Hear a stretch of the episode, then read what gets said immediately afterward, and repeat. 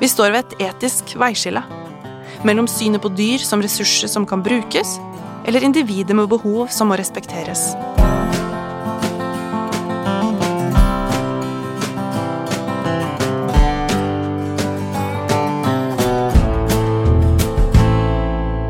Denne kronikken sto først på trykk i Ren mat nummer 46. Den er skrevet og lest inn av Kjersti Skar Storvik. På dyras vegne Husker du Framtidsbonden? Idealbonden som Solberg-regjeringen mente Norge trenger i fremtiden? Som innretter seg og tenker større, raskere og mer teknologisk? Jeg tok et gjensyn med Brennpunkt-dokumentaren med samme navn fra 2016 og bet meg merke i noe sauebonde Kjell Jarle Bruheim uttalte. Skal vi ha raskere produksjon til mindre kostnader, kan vi ikke bruke tradisjonelt utmarksbeite. Det blir for dyrt. Så tydelig kan det sies. Skal dyra yte mer, må en helst bygge større driftsbygning og ha flere dyr. Og de bør være innendørs hvis investeringene skal lønne seg.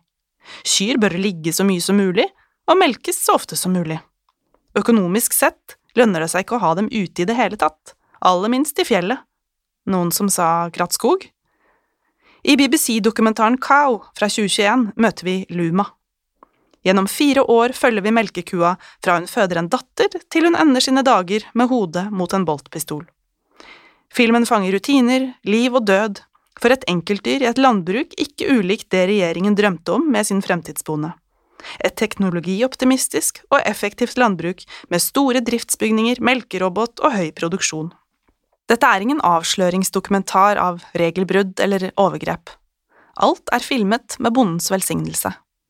Fjøset har løsdrift, dyret har mykt underlag, og bonden gjør jobben sin i tråd med omstendighetene, sikkert som faren før ham. Filmen fanger likevel hvilke begrensninger vi legger på livene til dyra ved å innordne dem etter menneskers krav og behov. Vi blir vitne til hyppig drektighet og melking, selektiv avl, atskillelse fra kalvene og hovne infiserte jur.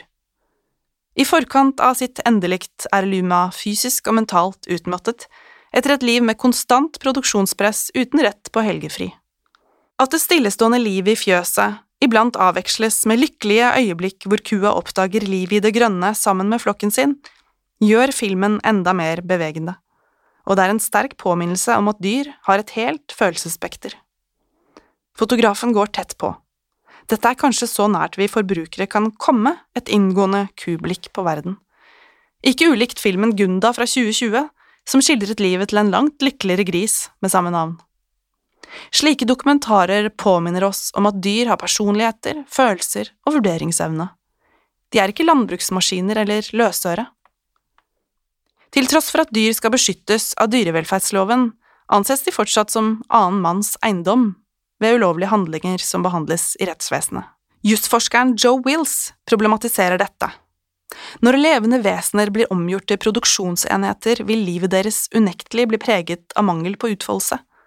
Selv om lovverk setter en minimumsstandard for omsorg, blir ikke selve systemet stilt ansvarlig.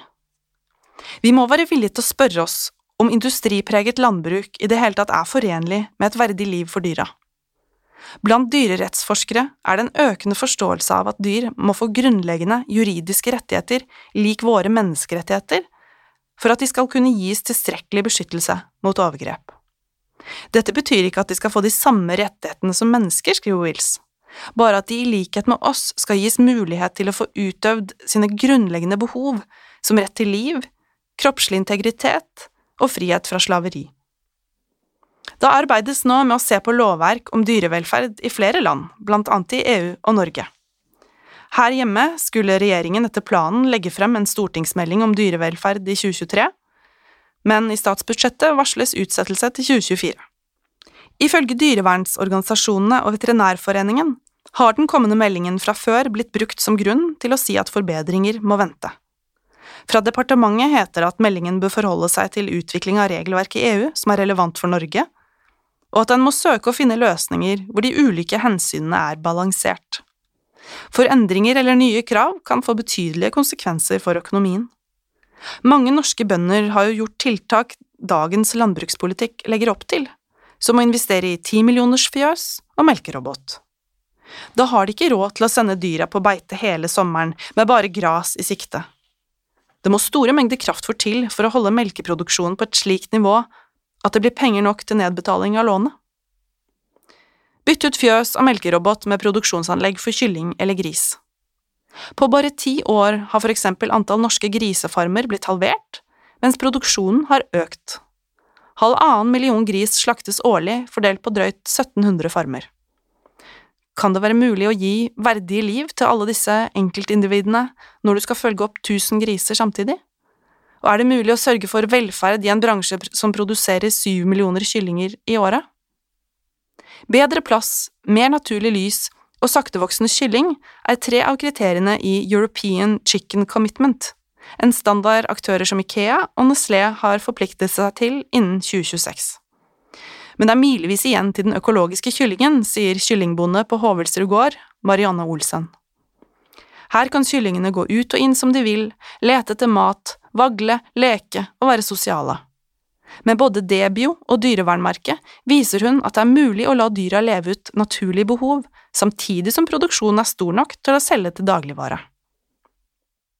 Undersøkelser om nordmenns syn på dyrevelferd viser at vi syns det er viktig. Prosjektet Good Animal fant at de fleste av oss ikke er bekymret for dyrevelferden, selv om den offentlige debatten preges av økt polarisering, mens en undersøkelse fra SIFO i 2021 viste at vi mener dyrevelferden for mange av dyra bør beskyttes bedre. Særlig gjaldt dette kylling, oppdrettsfisk og gris.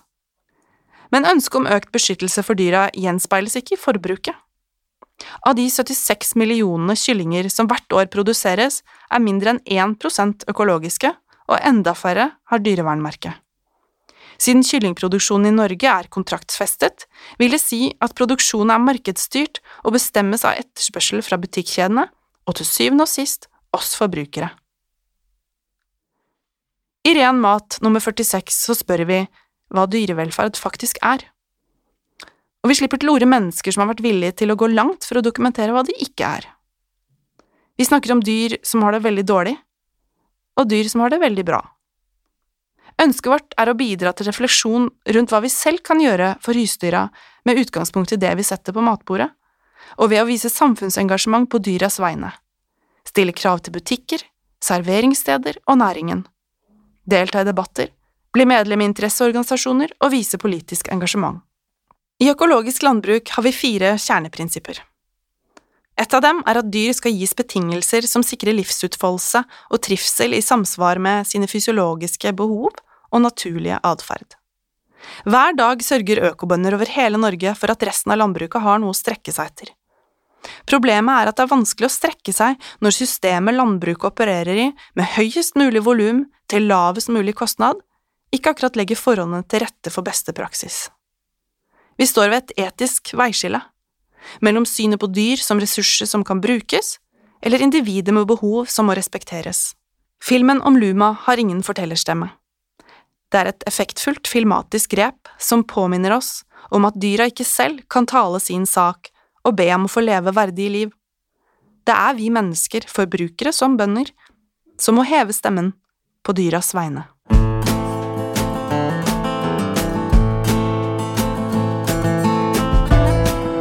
Hvis du likte det du hørte, kan du gjerne gå inn på renmat.no og bli abonnent på papirmagasinet Renmat. Magasinet kommer ut hver sesong fire ganger i året. Du finner oss også på Instagram og Facebook.